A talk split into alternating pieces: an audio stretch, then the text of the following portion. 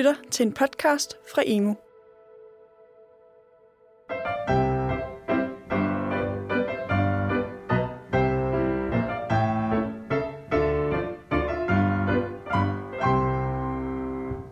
Du lytter til podcastserien Gymnasielyd, produceret af de gymnasiale læringskonsulenter i Børne- og Undervisningsministeriet. Vi er Paul Bridgewater og Susanne Bleved Danielsen. Dagens tema er elevernes innovative kompetencer.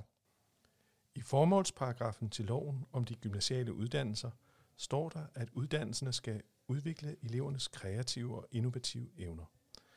Derudover står der i vejledningen om elevernes innovative kompetencer, at der i fagene og de faglige samspil arbejdes målrettet med at udvikle elevernes evner til at anvende faglig viden og faglige metoder til at undersøge og løse konkrete problemer. Men hvad er innovative kompetencer? Hvad er innovation i det hele taget? Og hvordan skal man undervise i det i gymnasiet? Det skal vi tale med vores to gæster om. Michael Paulsen, du er lektor i pædagogik ved Syddansk Universitet, og du har forsket og skrevet om innovation i gymnasiet. Og Morten Winter Bylov, du er lektor på Aarhus Katedralskole, og du skriver Ph.D. på DPU, og har en årrække undervist i innovation i gymnasiet. Velkommen ja. til jer. Tak. Lad os gå i gang øh, med det her emne, Michael Paulsen. Øh, hvad er innovation? Ja, det er jo et godt spørgsmål, og der er mange forskellige definitioner og opfattelser af det, men, men set fra mit perspektiv, så er det det at, at lave en nytænkende forbedring af noget relevant i verden. Og det vil sige, at der er, der er i hvert fald tre kriterier, hvis man skal arbejde med det i undervisningen, både i forhold til sådan at kunne diskutere det og vurdere, om noget overhovedet er innovation, enten noget eleverne selv har forsøgt at lave, eller noget historisk, eller hvad der ellers er i samfundet. Altså, for det første er det, er det nytænkende. Og hvis man skal kunne vurdere eller diskutere noget af nytænkende, eller prøve at skabe noget, der er nytænkende, så kræver det jo viden om, om altså, hvordan verden indtil nu er blevet formet og set ud, og hvad der er blevet tænkt i forvejen. Så, så det er det her, alle gymnasiefagene jubler og kan komme på banen med, med deres fagviden om, om, hvordan verden hidtil er, er blevet tænkt og indrettet. Og så skal man også kunne vurdere, om det er en forbedring. Altså, mange taler bare om forandring, at det er utilstrækkeligt set fra mit perspektiv, fordi forandring kan jo også være forværing, og det kan i hvert fald ikke i uddannelse være det, der hensigt, når man skal sidde og overveje og, og, og, og prøve at finde ud af, hvordan kan vi lave størst mulige forværinger af verden. Så, så det må gerne handle om forbedring. Det kan selvfølgelig være svært at vurdere, altså er kulkraft, var det en forbedring? Øh, det var det måske engang, øh, og det førte jo nogle ting med sig, altså tog for eksempel, øh, og, og mange andre ting, men men i dag vil vi nok sige, at det, at det primært har været en stor forværing. Så, så det er noget af det, som gymnasiets fag kan gå ind og prøve at være med til at kvalificere sådan nogle værdidiskussioner. Hvornår er det forbedring, hvornår er det forværing. Og så det tredje kriterie, det var det med, at det skulle være relevant. Øhm, og det kræver jo noget viden om, og hvad skal vi sige, en sans for, hvad der egentlig er væsentlige problemstillinger i verden. Altså man kan måske godt nytænke og forbedre et eller andet fuldstændig helt marginalt ligegyldigt, og så kan man godt sige som grænsetilfælde, ja, så er det måske innovation, men, men, men igen, det er nok ikke det uddannelse øh, især skal handle om, slet ikke med et dannelsesperspektiv. Så hvad er de væsentligste problemer? Og der kan jeg jo godt tænke, afsløre noget, som måske ikke er så kontroversielt. Jeg tænker, jorden brænder, altså miljøproblemer, biodiversitetsproblemer, natursyn, vores måde at være til stede i verden på i dag, det kalder der i hvert fald helt klart på, på, på innovation og arbejde med, med det i, i gymnasiet. Morten, hvis jeg så vender mig mod dig og vinkler spørgsmålet lidt anderledes og spørger dig om innovative kompetencer, hvad er det? Jamen, jeg vil først lige bekræfte Michaels Okay. øh, definition, fordi det, det er sådan set også det, jeg selv gør, når jeg står over for eleverne og skal undervise dem og siger, jamen, det vi er i gang med her, det er noget nyt, som Michael også sagde, noget, der er nyttigt for nogen, og det der med nogen er ekstremt vigtigt, at det er for nogen, som er konkrete, og så at det er nyttiggjort, altså i et, og også i undervisningen, at det bliver noget, som er nyttiggjort i virkeligheden. Problemet med den definition, også den, som Michael talte om, det er jo, at hvis den skal være udgangspunkt for undervisning, så bliver vægten meget tit lagt på det nye. Mm. Og det nye kan være hæmmende, fordi så begynder man der med at tænke, hvordan kan jeg dog komme op med noget nyt? Og det gør eleverne også, og det er egentlig der, hvor vi kan komme over tale kompetencer. Men derfor har jeg arbejdet meget med en definition, som går mere i retning af, at innovation skal forstås som, at vi forstår et konkret problem så godt, så vi rent faktisk kan postulere, at vi kan finde en eller anden form for nyttig løsning på det. Altså, at det er forståelsen, der skal streges under i den innovative proces, i den innovative didaktik. Så de innovative kompetencer? bliver nogen, der går hen til forståelse, altså nogen, der skal lede hen til en, en så grundig forståelse, så den kan være handleanimerende, eller at det kan være en handlekompetence, øh, man, øh, man fremelsker hos eleverne. Altså, det innovative kompetence er en handlekompetence. Et supplement kunne være, altså i forlængelse af det, jeg prøvede at sige før, at, at der er i hvert fald to vigtige sådan, evner eller kompetencer. Det ene, det er noget med at vurdere at gøre, og dem kan man jo så spalte ud i det der med at vurdere, om det er nytænkende, det kræver noget viden, så jeg kunne vurdere, om noget forbedring, det kræver en eller anden form værdimålstok. Altså, hvem er det en, hvem er det en altså, forbedring for? Hvem er det nytænkende for? Er det nyt kun for eleven selv? Er det kun en forbedring for nogle få, men forværing for alle mulige andre? Og hvem og, og hvilken sammenhæng er det relevant? Og sådan. Men så, så der er nogle vurderingsevner, vurderingskompetencer, der knytter sig til en lang række også klassiske ting, der, der ligger øh, nede under i, i, i hvad skal vi sige, traditionel gymnasieundervisning. Men så er det også at kunne skabe noget potentielt innovativt, tænker jeg. Så, så, og det er der måske kreativitet kommer på banen i forhold til, til det at kunne tænke nyt. Men øh, i forhold til det med at kunne lave noget, der faktisk er godt, der kræves jo også håndværk. Altså, vi, altså hvis man skal ja, altså hvis man skulle skrive en, en, en ny øh, roman eller noget, så, så kræver det jo formentlig, at man har læst en masse romaner og ved noget omkring, hvordan romaner er bygget op, men det kræver også et, et, et, et skriftligt håndværk i forhold til at kunne gøre det. Og i forhold til, om det er relevant, kræves der en eller anden form for kritisk sans, altså en problembevidsthed, kunne man sige. Så, så, så hvis vi taler om innovative kompetencer, så er det i virkeligheden mange ting. Morten, man kunne også, øh, jeg tænker, når man er i gymnasiet, så er der mange ting, øh, man skal øh, leve op til. Man skal, der, er en, der er bekendtgørelser og læreplaner. Hvordan ser du koblingen mellem øh, den videnstilegnelse, som jeg også tror mange, for, som fylder meget for mange lærere, øh, der er meget, man skal nå, og så det her med øh, innovation og kreativitet? Jamen, det, det ser jeg på flere forskellige måder. Altså, hvis vi tager det inden for kan man sige, det, jeg har arbejdet med på det sidste, som er, er den her SAP-ramme, altså de nye rammer for vores SAP-samarbejde, så kan man sige, at, at der arbejder vi øh, i tre faser. Og nu ved jeg ikke helt mere præcis, jeg forstår dit spørgsmål, men det, men det, det vi gør konkret, det er, at vi arbejder i en forståelsesfase, i en anvendefase og i en refleksionsfase, for at både få den, kan vi sige, virkeligheden ind i en anvendefase, få noget teori, noget fag ind i den forudgående forståfase, som man så itererer tilbage til, og at man får forankret, det vil sige, at vi kommer op på et, et vidensniveau og et forankringsniveau, et transferniveau, ved at sige, at der skal være noget refleksion efterfølgende. Og det er helt generelt over hele fagrækken, øh, både på STX og i de merkantile og tekniske gymnasielle uddannelser, at man sådan set kan arbejde i de tre øh, hvad hedder det, faser. Jeg tror, det er Einstein, der engang har sagt noget med, at øh, hvis man kun havde en time til at redde verden, så brugte man de første 55 minutter på at prøve at forstå problemstillingen, og de sidste fem på at, at, at finde på en løsning. Og, og det virker som om, I begge to lægger stor vægt på altså den der videnstilegnelse, før man overhovedet går i gang med at, øh, at, at, at få idéer. Er, er det rigtigt? Altså delvist, fordi det med at tilegne sig viden kan også være at gå ud i felten. Altså gå ud og se, at møde dem, der har problemet, tror man, og få bekræftet sit problem, eller få afkræftet sit problem.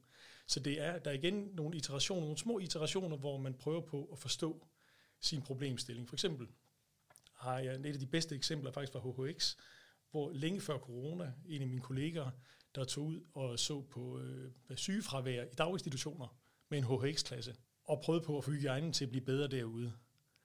Men de skulle jo besøge den her børnehave, den her vuggestue mange gange, for egentlig at forstå problemet. At det handlede virkelig om, at børnene havde for travlt med at komme ud og lege igen. Det havde de ikke set ved første besøg. Og det jeg vil sige med det, det er, forståelse af et felt kræver, at man går ind i det felt, går ud igen, reflekterer over det, går ind i det felt.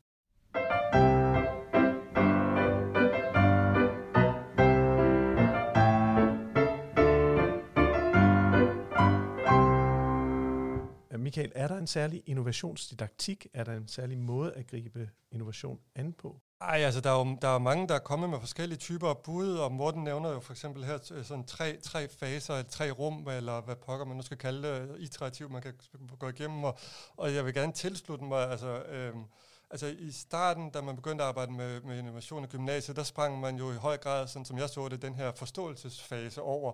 Og, øhm, og det gjorde, at man fik sådan nogle substansløse, tomme, formelle rum, hvor man sådan troede, at man kunne bare man ligesom brugte en bestemt innovativ metode, øh, så, så kom der en masse godt ud af det, og det gjorde der ikke. Altså, øh, så, så jeg vil gerne tilslutte, man, jeg vil måske kalde det, jeg synes en forståelsesrum er helt perfekt, men man kunne også kalde det et horisontudvidende rum eller noget. Og det kan jo både være, at man trækker på, på, øhm, på noget, der er i faget, som læreren kender i forvejen, og der er skrevet lærerbøger om, og det kan være, at man går i felten, altså det kan være en kombination af mange forskellige ting. Øhm, det, der måske er den store udfordring i forhold til, til innovation, det er, at, at det jo så skal kombinere de her ting. Altså på en ene side, så er der jo nok brug for, hvis, i hvert fald hvis eleverne skal ligesom få nogle erfaringer med at prøve at lave noget innovativt, noget meget eksperimenterende undervisning, hvor frihedsgraden er ret store, og hvor læreren skal give, skal, skal slip, fordi det er uforudsigeligt, om det overhovedet vil lede frem til noget, og hvor, det, hvor, hvor eleverne jo også skal på en eller anden måde beskyttes fra, at det er ikke, det er ikke sådan, at det er, at I nu får, I dumper, ved, fordi I ikke kom frem til noget. Altså der skal jo løbes en risici her. Men samtidig skal det jo kombineres med det her forståelses, horisontudvidende og, og, og refleksion, vurderings, altså faserne, som er altså mere, Øh, måske nogle klassiske discipliner. Og det, der er den store udfordring, det er simpelthen at få kombineret det på den, på den rette vis, så man ikke falder ned i, i, i, i at, i at, at man, man ligesom strammer til og slet ikke har noget eksperimenterende undervisning øh, og, og frihed, og hvor man prøver at skabe nogle nye måder at se og opleve og handle på, eller man falder ned i den, i den anden grøft, altså hvor man kun har noget eksperimenterende og kreativt, men faktisk ikke har noget substans og, og faglig forankring. Morten, er det noget, du kan genkende i din øh, praksis? Jamen igen er jeg fuldstændig enig med Michael. Det, det som jeg tror, man som øh, praktiker, som øh, læringsdesigner ude i virkeligheden skal forholde sig, det er, om man tager et problembaseret, som vi har talt om nu her, problembaseret udgangspunkt, altså et problem i virkeligheden, som nogen har konkret, eller om man tager et mere det, man kalder det effectuation-perspektiv øh, på, på den her proces, hvor man siger, at vi skal tage udgangspunkt i de ressourcer, som vores virkelige elever, der sidder foran os, de kan komme med. Deres netværk, de genstande, de kan komme med osv. Eller om man, som ofte, man ofte gør på, øh, på de merkantile uddannelser, og sige, at der er en mulighed, en teknologisk mulighed, eller en mulighed i markedet. Og det valg, mener jeg, at læreren skal tage for eleverne og rammesætte. Og i hele taget, så er det jo ikke sådan, at innovativ didaktik efter min mening går ud på, at man sætter eleverne, eleverne fuldstændig fri i deres læreproces. Det er faktisk en, en i allerhøjeste grad stiliseret læreproces med nogle ret specifikke øh, læringsmål eller succeskriterier, kunne man da kalde det. Så forstår jeg det rigtigt, hvis du siger, at der er tre uh, sådan mulige udgangspunkter, altså uh, enten uh, problemet, eller uh, mig selv, eller uh, et markedsbehov på en eller anden måde jeg synes i hvert fald, det giver noget at tænke sådan, før man går i gang.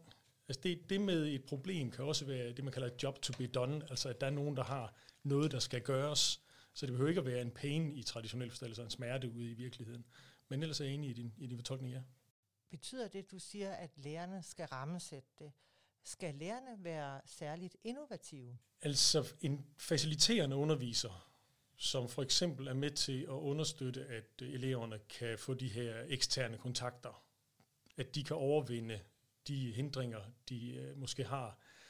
Øh, det man kalder en skub-tilgang, at man skubber dem, øh, nærmest notcher lige så stille, kommer øh, dem i møde inden for deres zone for nærmeste udvikling, synes jeg er, er meget givende, og det, det er et stort lærerarbejde, eller et stort arbejde for, for underviserne, når de skal designe sådan en proces, fordi den jo på en eller anden måde skal have en gennemskuelig et, et gennemskueligt narrativ, så eleverne også kan føle sig trygge i, at jeg er i en del af det her eksplorative narrative, og ved, jeg er tryg ved, hvor jeg skal hen, men det er mig, der bestemmer, kan vi sige, eventyret. Og Michael, du har altså fulgt med som forsker i mange projekter ude på skolerne. Er der noget, der er karakteristisk for ledelsens rolle i forbindelse med de her projekter, eller for styringen af dem?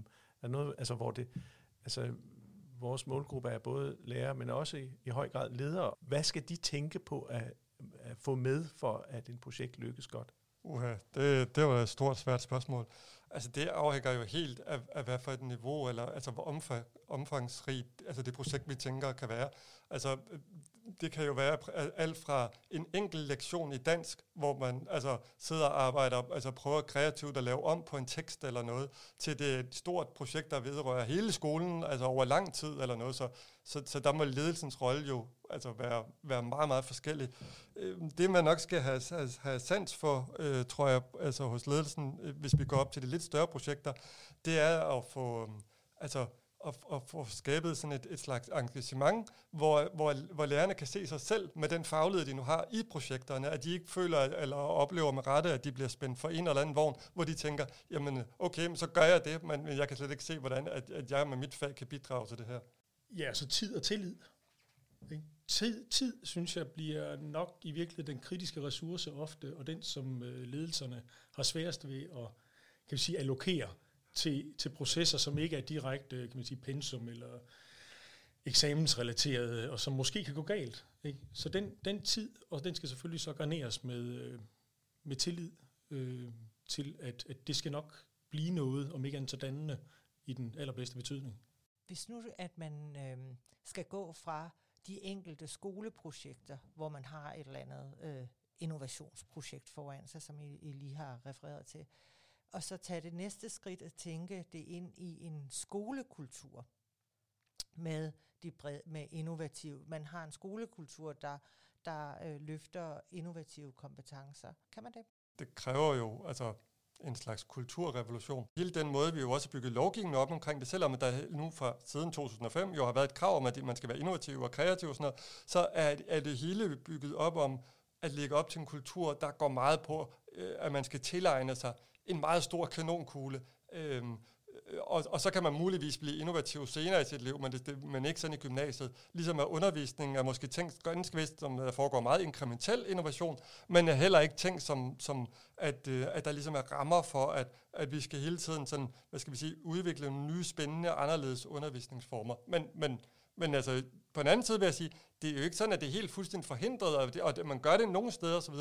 De, de, de klasser og skoler, jeg har set, hvor man gør det mest, der har den der kultur, der betyder det faktisk mere, set med mine øjne, for at eleverne faktisk på en eller anden måde også kommer til at tænke og agere innovativt, end at man har nogle helt præcise projekter, der hedder, nu skal vi lære at blive innovativ.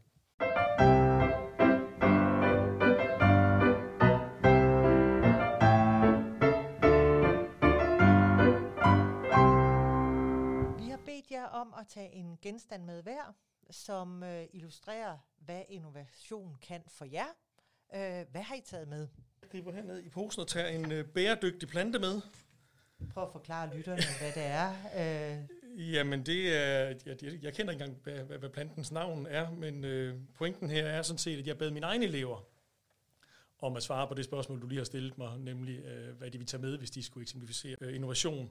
Og der var der en af eleverne, der tog planten her med og jeg kan sige, at det er en lille sukulent, øh, vi har foran os i en øh, øh, bæredygtig øh, papirpose.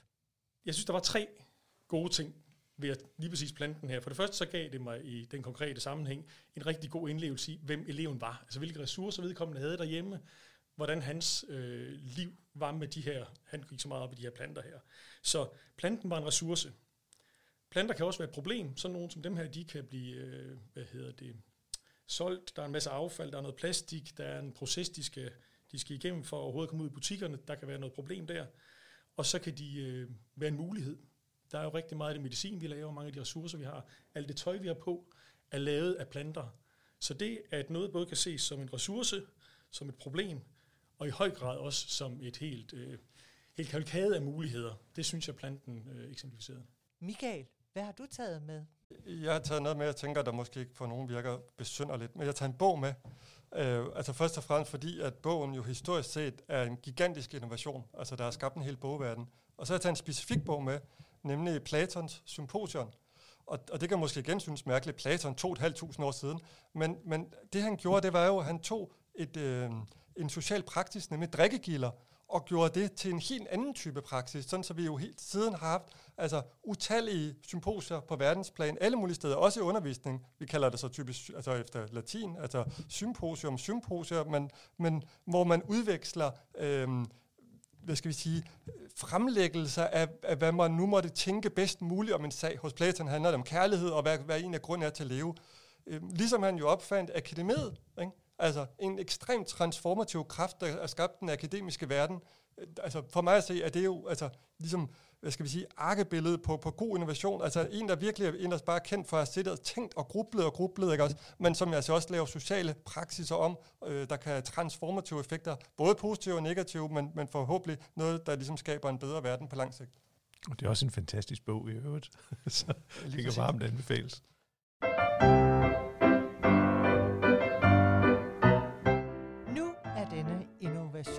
podcast forbi. Tak til vores gæster, Michael Paulsen og Morten Winter Bylov. Du har lyttet til serien Gymnasielyd med de gymnasiale læringskonsulenter Paul Bridgewater og Susanne Blevad Danielsen. Vores producent hedder Dorte Palle. Hvis du vil høre mere, så ligger både første og anden sæson på hjemmesiden Emo, og kan også findes der, hvor du plejer at hente dine podcast ved at bruge søgeordet Gymnasielyd.